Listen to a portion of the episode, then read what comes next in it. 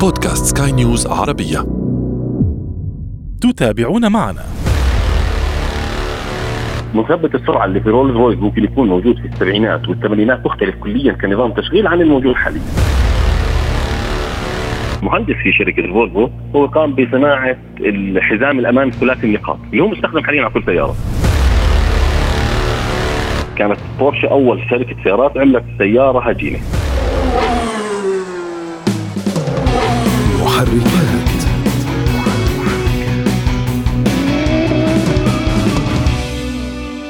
ربما تستغربون عندما تعرفون تاريخ البداية لبعض تقنيات المركبات. بعض الشركات كانت سباقة في تقديمها للزبائن قبل عشرات السنوات، والأكثر غرابة أنها تعمل بكفاءة حتى الآن. أهلا بكم. أنا أشرف فارس وأصحابكم في حلقة جديدة من برنامج محركات حيث نهتم بتقوية ثقافة المركبات لديكم. موضوعنا اليوم عن التقنيات الموجودة في المركبات القديمة، لمن يذهبون إلى متاحف السيارات وإذا سمح لهم بالنظر داخل السيارات المعروضة والجلوس فيها، ربما سيعرفون أن بعض تلك المركبات كانت رائدة في زمانها، كانت مخصصة لعلية القوم، واليوم يستخدمها الجميع كتجهيز أساسي في مركباتهم. الغريب والطريف هنا أن تقنيات تلك المركبات القديمة ما زالت تعمل بكفاءة منذ تلك الأيام ورغم مرور عشرات السنوات على صناعتها عكس بعض المركبات الحديثة الآن. ربما وأقول ربما هذا سبب آخر يعطي بعض المركبات الكلاسيكية سعرها المرتفع. كانت غالية آنذاك وما زالت غالية حتى اليوم.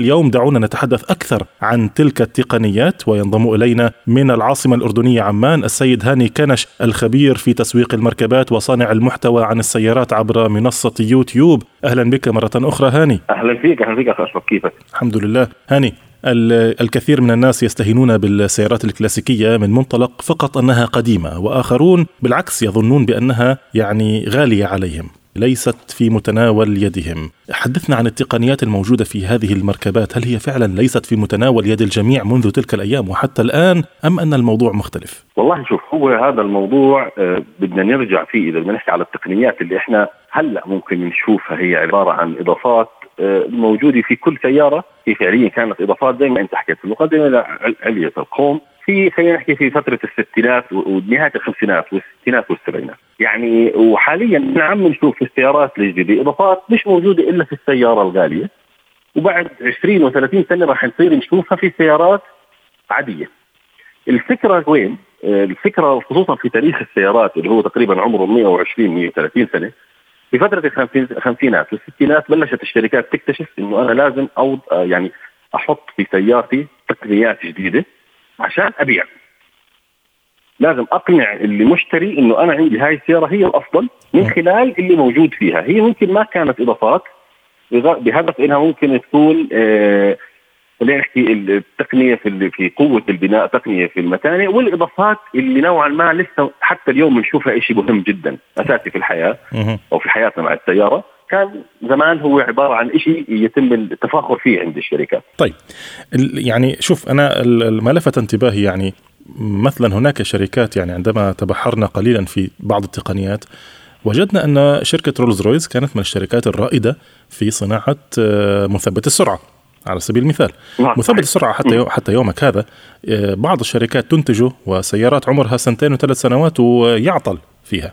وما زال شغال هذا المثبت في سيارة الرولز رويس من ما شاء الله. هلا مثبت السرعة اللي في رولز رويس ممكن يكون موجود في السبعينات والثمانينات مختلف كليا كنظام تشغيل عن الموجود حاليا.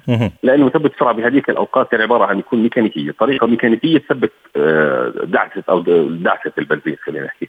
حاليا هي أوامر من الموجود عندنا حاليا هي أوامر إلكترونية بتقوم فيها الكمبيوتر عشان يثبت سرعة السيارة. فأي شيء إلكتروني آه، خاضع لل- للأعطال. مهم. على عكس الميكانيكي لأنه الميكانيكي بطريقة مبسطة أكثر. إذا أنت طرحت نقطة رولز رويس فإحنا بنحكي إنه آه، هم بيتفاخروا الشركة في موضوع إنه 70% من سيارات رولز رويس اللي من بداية تصنيعها لليوم ما زالت تمشي على الطريق. مش موجودة إنما تمشي على الطريق تمشي على الطريق. ولكن أنا إذا بدي أطرح مثال لسيارة معروفة جدا في تاريخ السيارات إنها هي كانت من أكثر السيارات اللي بدأت أو طرحت أشياء جديدة فهي سيارة آه، مرسيدس بنز اللي هي 300 SEL 6.3 إجت بمحرك 6.3 موديل 68 طب بأمانة يعني هل هل لأنك تحب المرسيدس أم أم, أم هذا التشبيه واقعي؟ لا هذا التشبيه واقعي أنا ما بحب المرسيدس. طيب كويس. يعني أنا بحب البورشة والبي إم دبليو ولكن ما بقدر أحكي إنه هاي السيارة ما كانت نقطة تحول في السيارات وفي سيارات السيدان تحديدا. تمام. هاي السيارة أول ما نزلت نزلت في بعض الإضافات اللي حاليا ما زالت تسمى إضافات فاخرة في السيارات، نزلت في نظام تعليق هوائي، نزلت في تكييف آه، بالسيارة، نزلت في نظام ال brakes ات اللي هو إحنا بنعرفه اللي هو ال discs ات ما كان بال drum، هذا نظام brake حاليا مستخدم على السيارات جدا أقوى من نظام ال brake نزلت في الإغلاق المركزي أو ال center lock زي ما إحنا بنحكي نزلت في power steering ما كان في أيامها power steering أو ال steering الهيدروليكي. وكانت طبعا عند مرسيدس بنز في أوقاتها إنه لازم دائما يكسروا رقم أو يحصلوا على لقب في السيارة. فكانت أسرع سيارة سيدان في العالم. ولما إحنا بنحكي سيارة موديل 68 تقريبا جابت سرعة 225 كم في الساعة. فإجت لفترة هي أسرع سيارة سيدان في العالم. هاي السيارة بالإضافات اللي نزلت ما كان أي منافس عنده إياها. الإضافات اللي ذكرت لك إياها ما في أي منافس موجود عنده هاي الإضافات. بشكل كامل أو في باكج كامل. فحتى هذا اليوم أنا يعني كان لي الفرصة إني أنا أشوف واحدة وأجربها بشكل بسيط. من سنة السيارة ما زال كل شيء فيها بيشتغل طبيعي. بالمناسبة هذا هذا الموضوع هذا الموضوع المحزن هذا الموضوع المحزن آه، آه، يا هاني يعني بعض الشركات دون ذكر أسماء في هذه النقطة. سياراتها حديثة عمرها سنتين وثلاث سنوات وتنظر في المقصورة الأزرار مكسرة والألوان باهتة يعني وكأنها سيارة عمرها الله أعلم. 40 سنة بيكون هي عمرها فعليا خمس سنوات. هذا السبب مش والله من كثر التكنولوجيا أو شيء هذا بسبب تجارية التصنيع. زمان ما كانوا يصنعوا بنفس الكمية اللي هلأ عم بنصنع فيها. سيارات العالم تغير الطلب صار الكل بده يشتري سيارة. فكمية الصناعة اختلفت حجم الصناعة اختلف. فصارت حتى إنك تحط الإضافات سهلة جدا ولكن إنك تعطيها جودتها صعبة. نعم. هذا الشيء ما راح نشوفه بالسيارات الجديدة إلا بالسيارات يعني الفاخرة والفارهة العالية كثير بس تضطر تدفع مبالغ فلكية عشان تشتريها. يعني لما يجي يحكوا لك سيارة سعرها آه 3 مليون درهم إماراتي أنت بتيجي تحكي يا الله شو هذا 3 مليون درهم إماراتي عم نحكي عن تقريبا مليون دولار فليش وصل 3 مليون آه 3 مليون درهم إماراتي أو مليون دولار سعر السيارة؟ لأنهم عم بيبنوها بنفس الطريقة القديمة يجي بيحكي لك والله السياره صناعة اليد آه الإضافات هاي مختارة بكذا التخييط تم استخدام خيوط كذا. طب هذا زمان كان ينصنع بكل سيارة ليش هلأ عم بكون exclusive مثلا أو خاصية بهاي السيارات؟ تصير تجارية التصنيع. كل شيء صار أرخص. تمام. نعم. طيب أكمل أكمل عن التقنيات. ماذا لديك أيضا؟ أعتقد شركة فولفو يعني كانت أيضا من الشركات الرائدة حتى على مستوى الأمان. على مستوى الأمان. فولفو كانت أول شركة مهندس في شركة فولفو هو قام بصناعة الحزام الأمان ثلاثي النقاط اللي هو مستخدم حاليا على كل سيارة. وفولفو عندهم مبدأ إنه ما كان بدهم يحتكروا أو يبيعوا حقوق الحقوق الملكية لهذا الحزام إنما نشروه بشكل مجاني على كل الشركات إنه خلص يتم استخدامه اللي هو الحزام الامان هذا اللي هو العادي حاليا اللي موجود في سيارتي وسيارتك يعني لحد الآن. سيارتي سيارتك وكل سيارة لحد الآن هو حزام ثلاث النقاط. اللي هو عند لا سمح الله عند الحادث أو الارتطام بكون بيمسك الشخص بشكل أفضل. في إضافة أنا بحب مرة كنا بنتناقش في الموضوع اللي هو ال four wheel steering اللي هو العجلات الخلفية تساعد العجلات الأمامية في انها بالالتفاف هذا موجود حاليا بالسيارات الرياضية برضه هذه هاي هاي, هاي تقنية يا هاني أنا رأيتها في سيارات تكاسي لندن القديمة لكن لا أعرف إذا كانت ما زالت متوفرة حتى الآن هذه التقنية. متوفرة بطريقة غير بطريقة مختلفة نوعا ما. ولكن هذه التقنية مثلا كانت موجودة في هوندا بريليود في الثمانينات. على سبيل المثال هوندا بريليود كانت four wheel steering في الثمانينات. حاليا بيتم استخدامها في السيارات الرياضية الخارقة بكونوا يحكوا لك إنه سيارة four wheel steering فبتشوف مثلا اللي ما بيعرف بالسيارات بيحكي لك الله السيارة بتلف باربع عجال إنما هوندا بريليود كانت في الثمانينات four wheel steering نظام البخاخ أو نظام حقن الوقود اللي هو البخاخ اللي إحنا بنعرفه حاليا. injector نعم. السيارات اليابانية injection نعم. السيارات اليابانية كانوا رائدين فيه باختلاف على خلاف السيارات الألمانية مثلا. الألمانية كانوا يستخدموا اللي هو آه ما بعرف الاسم العلمي له بس إحنا عندنا يسمى ببخاخ مواتير بقولوا وبخاخ نظام بخاخ تقليدي. طولوا هم بيستخدموا فيه بينما اليابانيين أبدعوا في البخاخ اللي هو اللي حاليا اللي اللي خلينا نحكي electronic fuel injection بيسموه. أو ال direct fuel injection اليابانيين استخدموه في أو في فترات سابقة بكثير من الألمان على سبيل المثال. ففي التكنولوجيا كانوا يتسابقوا إلها واليابانيين بدعوا في الموضوع برضه. اليابانيين دخلوا التكنولوجيا بطريقة كثير فخمة. أنا سمعت من وكيل لسيارة إنجليزية قديمة أه وسمعت من الوكيل نفسه هو شخص يعني عمره 75 سنة. كان يحكي لي إنه كل ما اقعد اجتماع مع الإنجليز ينفضوا من اليابانيين إنه كيف بيعملوا سيارة أفضل من سيارتنا؟ بتكنولوجيا أعلى من سيارتنا وأرخص من سيارتنا. اليابانيين. فاليابانيين كانوا سباقين برضه بهذا الموضوع في تكنولوجيا التوفير كانوا سباقين في تكنولوجيا الاعتمادية. وهو انت لما تحكي السيارة اعتمادية فهي تكنولوجيا في طريقة إنك تخلي السيارة اعتمادية. تماما يعني هي تكنولوجيا مستخدمة. نعم. ال- ال- اليابانيين دخلوا إلى السوق متاخرا لكنهم تفوقوا فعليا يعني لحقوا بالركب وتفوقوا. طيب آه آه هناك بعض التقنيات الأخرى التي يعني آه، ما زالت تعطي قيمة للسيارة حتى الآن. يعني أنا لا لا أعرف إذا كان مثبت السرعة موجودا قبل الرولز رويس لكن بعض الشركات يعني حتى المكيف الهواء لم يكن تجهيزا اساسيا في في خمسينيات القرن الماضي صح؟ صحيح ما كان شيء أساسي. حتى مكيف الهواء ممكن نحكي إنه هو كان إضافة تنطلب لحد في المنطقة خلينا نحكي في منطقة بلاد الشام عندنا باستثناء المناطق الخليج لحد منتصف التسعينات. تمام. تمام. يعني آه لحد منتصف التسعينات الناس ما كانت ما كان يهمها انه والله السيارة فيها مكيف أو لا. هلا الأوروبيين حتى هذا اليوم ممكن يشتروا السيارة بدون مكيف. تمام. ممكن حتى هذا اليوم ممكن يعني في الفترة هاي مع الاحترار العالمي أتصور صعبة يعني بتمر عليهم أيام صعبة في الصيف. أه ولو إنه نعم صحيح. ليس الكل يهتم بالسيارات ذات التكييف أو حتى يعني يغفلون إضافة الغاز إلى المكيف كثيرا لأنهم لا يستخدمونه كثيرا.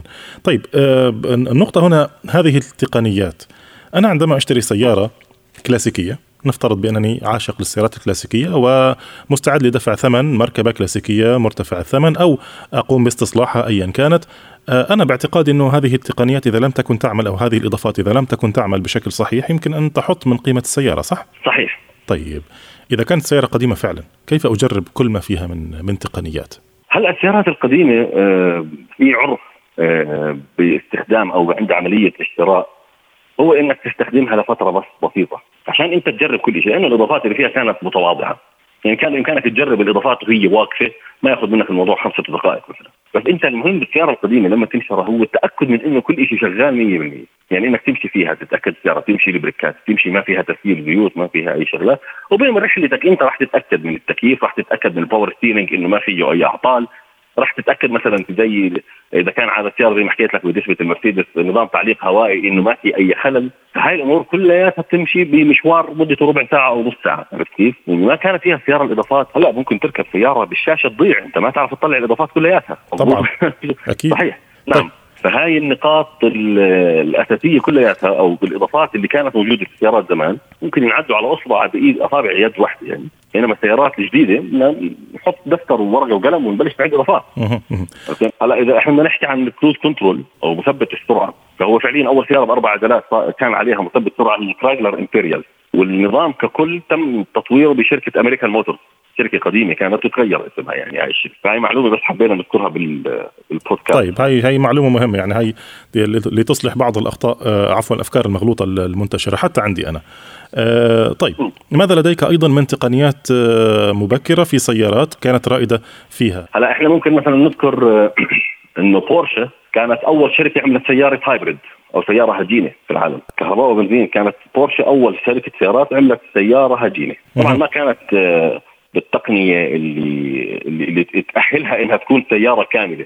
يعني زي هلأ حاليا إنما إحنا بنحكي كتكنولوجيا نعم. أما هلأ بالناحية ك مين أول سيارة هجينه جاهزة إنها تمشي وتنباع بشكل تجاري هي التويوتا بريوس كانت هي التويوتا بريوس أول سيارة هجينه طلعت. وكان في سباق بين هوندا وتويوتا ففي ناس بيحكوا لك هوندا انسايت هي السيارة الأولى بينما كانت هي التويوتا بريوس السيارة الأولى. هوندا انسايت فعليا هي السيارة الثانية. تمام. بس الاختلاف في, في استخدام التكنولوجيا بيختلف حسب الصناعة أخي يعني الألمان عندهم كان تكنولوجيا ال hybrid ولكن الألمان ظلوا عشر سنوات تقريبا أو خمس سنوات من خمس لعشر سنوات بعد تويوتا وهم في مراحل التجارب لسيارات ال hybrid. طيب. يعني الألمان مختلفين في هذا الموضوع شوي. هم بيشوفوا التكنولوجيا بيطوروها بيتأكدوا منها بعدين بيطلعوا طيب هاني. مرات ما بيزبطش معهم. طيب هاني خطر في بالي أنا سؤال. معلش حنكمل في التقنيات القديمة آه بعد شوي لكن خطر في بالي الآن سؤال. يعني نحن الآن في في في زمن تباع فيه السيارات بشكل تجاري.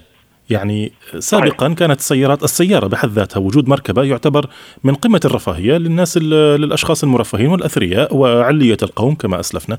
لكن الآن القاصي والداني معه مركبة. أيا كانت يعني هناك مركبة على قدر ميزانيته صح؟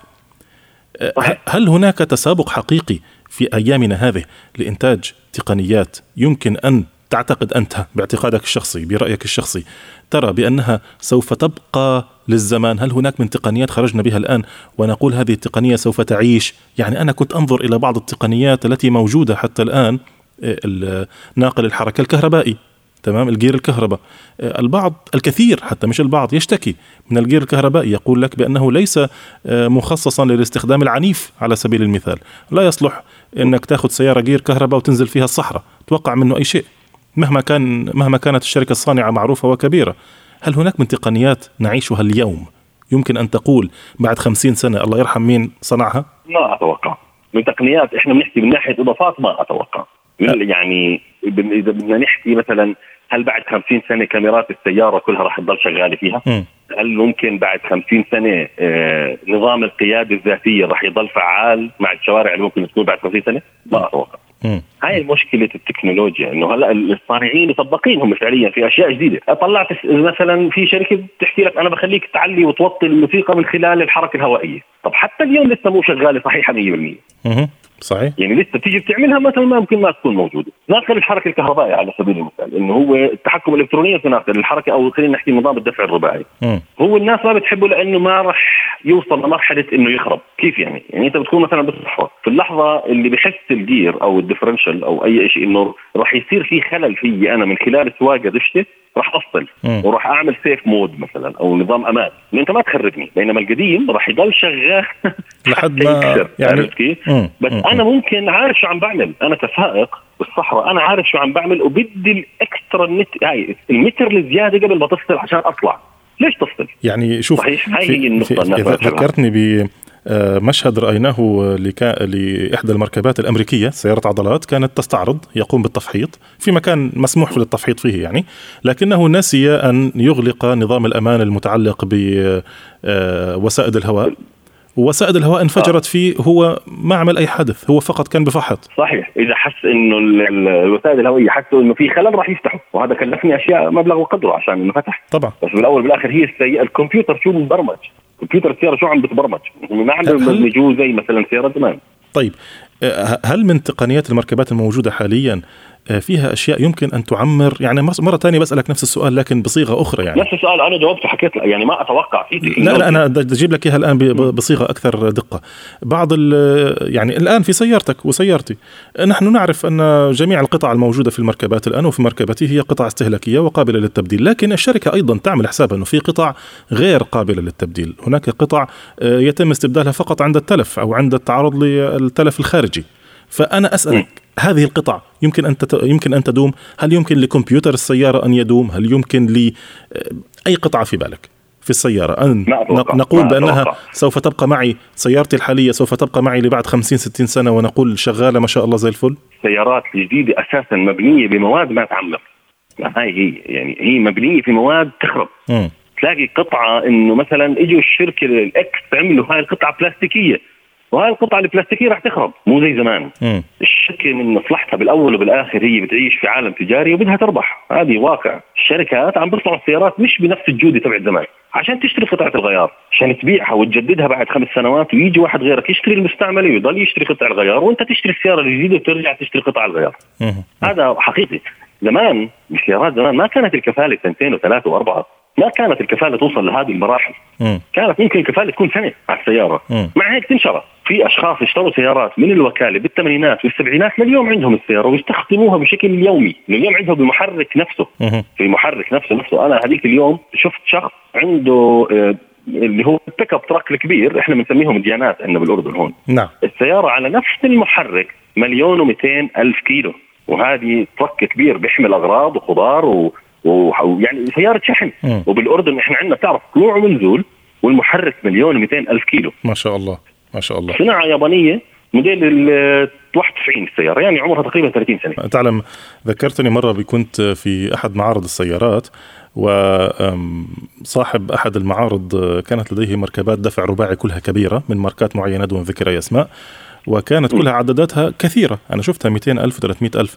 فأنا استغربت. يعني قلت له أول شيء يخطر في بال التاجر أن يتلاعب بالعداد لما لم تفعل ذلك؟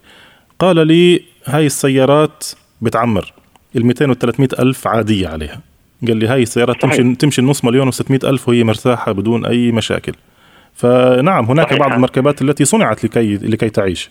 هاي صحيح. نقطة حقيقية. هلا محركات الثمانية سلندر بتدوم أكثر من محركات الأربعة سلندر. هلا استخدام الشاحن التوربيني لأجل أهداف البيئة معروف. لأجل توفير الوقود معروف إعطاء قوة أكثر من محرك أصغر معروف ولكن هو بيستهلك من عمر المحرك. صحيح صحيح. ذلك هلا في الولايات المتحدة الأمريكية بيسألوا في العدادات آه، بيجي واحد بيشوف سياره سيارة 8 سلندر ماشي 150 ألف مايل بيشتري كذا 8 سلندر 5000 سي تعيش الشاحنات الشاحنات شاحنات النقل الكبيرة كبيرة كبيرة. آه، شوف إعلانات البيع تبعتها بكون واحد كاتب ممشى قليل 300 ألف كيلو. طبعا هاي بتكون ممشى قليل. بكون شغل كم سنة بس يا رجال؟ مش كثير آه هاي ممشى قليل بكون كاتب لك 300 ألف كيلو. بس هو كم المحرك حجمه؟ شوف تعمل حسابك الشاحنات شاحنات تقطع يعني آه، في الرحلة الواحدة آلاف الكيلومترات. في الرحلة الواحدة لا أقول في اليوم الواحد. صحيح. فهو من الطبيعي بالنسبة له هذا يعني عمل بالنسبة له. 100% كل ما زاد حجم المحرك كل ما قلت مشاكله وزاد العزم بطريقة مختلفة. فهلأ التكنولوجيا اللي عم تستخدم حاليا هي محركات صغيرة جدا مدعومة بقوة الشواحن التوربينية، مدعومة بقوات كهربائية هلا حاليا مثلا زي ال mild hybrid أو نظام أساسا الكهرباء تصير سياره هجينه، هذا ما المحرك ما راح يعيش، وإحنا بنشوف الناس اللي بتشتري وبنقرأ التقارير وبنشوف هذا الحكي. نعم. السيارات نعم. ما بتعيش، نعم. واحد بيشتري سيارة 2017 يسمع إنه غير موتورها بال 2020 نعم. نعم. وأنا إحدى إحدى الشركات يعني تفاجأت بأنها بالفعل صغرت حجم المحرك الخاص بمركباتها الحديثة الوكالة. يعني أصبحت سيارة صالون محركها 1000 سي سي مع شاحن توربيني صراحة غير غير منطقي. على كل حال أنا طيب آه. بالضبط. هي هاي النقاط. فهي أساسا إذا إحنا بدنا نركز الموضوع آه أخ أشرف أنا التكنولوجيا اللي بسميها زمان إنه هي الشيء الأساسي اللي إحنا ما زلنا بنذكره إنه هذا شيء يعني ممتاز جدا هي تكنولوجيا البناء وتكنولوجيا الصناعة. كانت الإضافات زي ما حكيت لك ينعدوا على الأصابع أربع خمس إضافات كفيله إنه الواحد يشتري سيارتي أو ما يشتريها. هلا عم نشوف السيارات والله مرة هذيك اليوم واحد يعني شركة بدون ذكر تتفاخر في وجود 40 إضافة بسيارتها. طب أنا إيش بدي بهاي الإضافات كلها بعد سنتين ما راح أستخدم ولا واحدة منهم؟ صحيح 100% بعض الناس تغرهم أسعار السيارات جديدة وفيها كل الإضافات وما إلى ذلك لكن هي بالنهاية ليست سيارة اعتمادية تصلح للإيجار فقط. على كل حال هاني نحن أخذنا الوقت كثيرا بهذا الحديث الجميل وحتى خرجنا قليلا عن سياق الحلقة لكن أشكرك دائما بنطلع أنا وياك بالحكي. يعني الحكي بجر الحكي زي ما بقولوا. ف صحيح. على كل حال شكرا جزيلا لك يا هاني. كانت حلقة في منتهى الجمال. شكرا لك. أهلا أهلا. شكرا لك. اذا كان ذلك هاني كنش خبير في تسويق السيارات وصانع محتوى عن السيارات عبر منصة يوتيوب. محركات.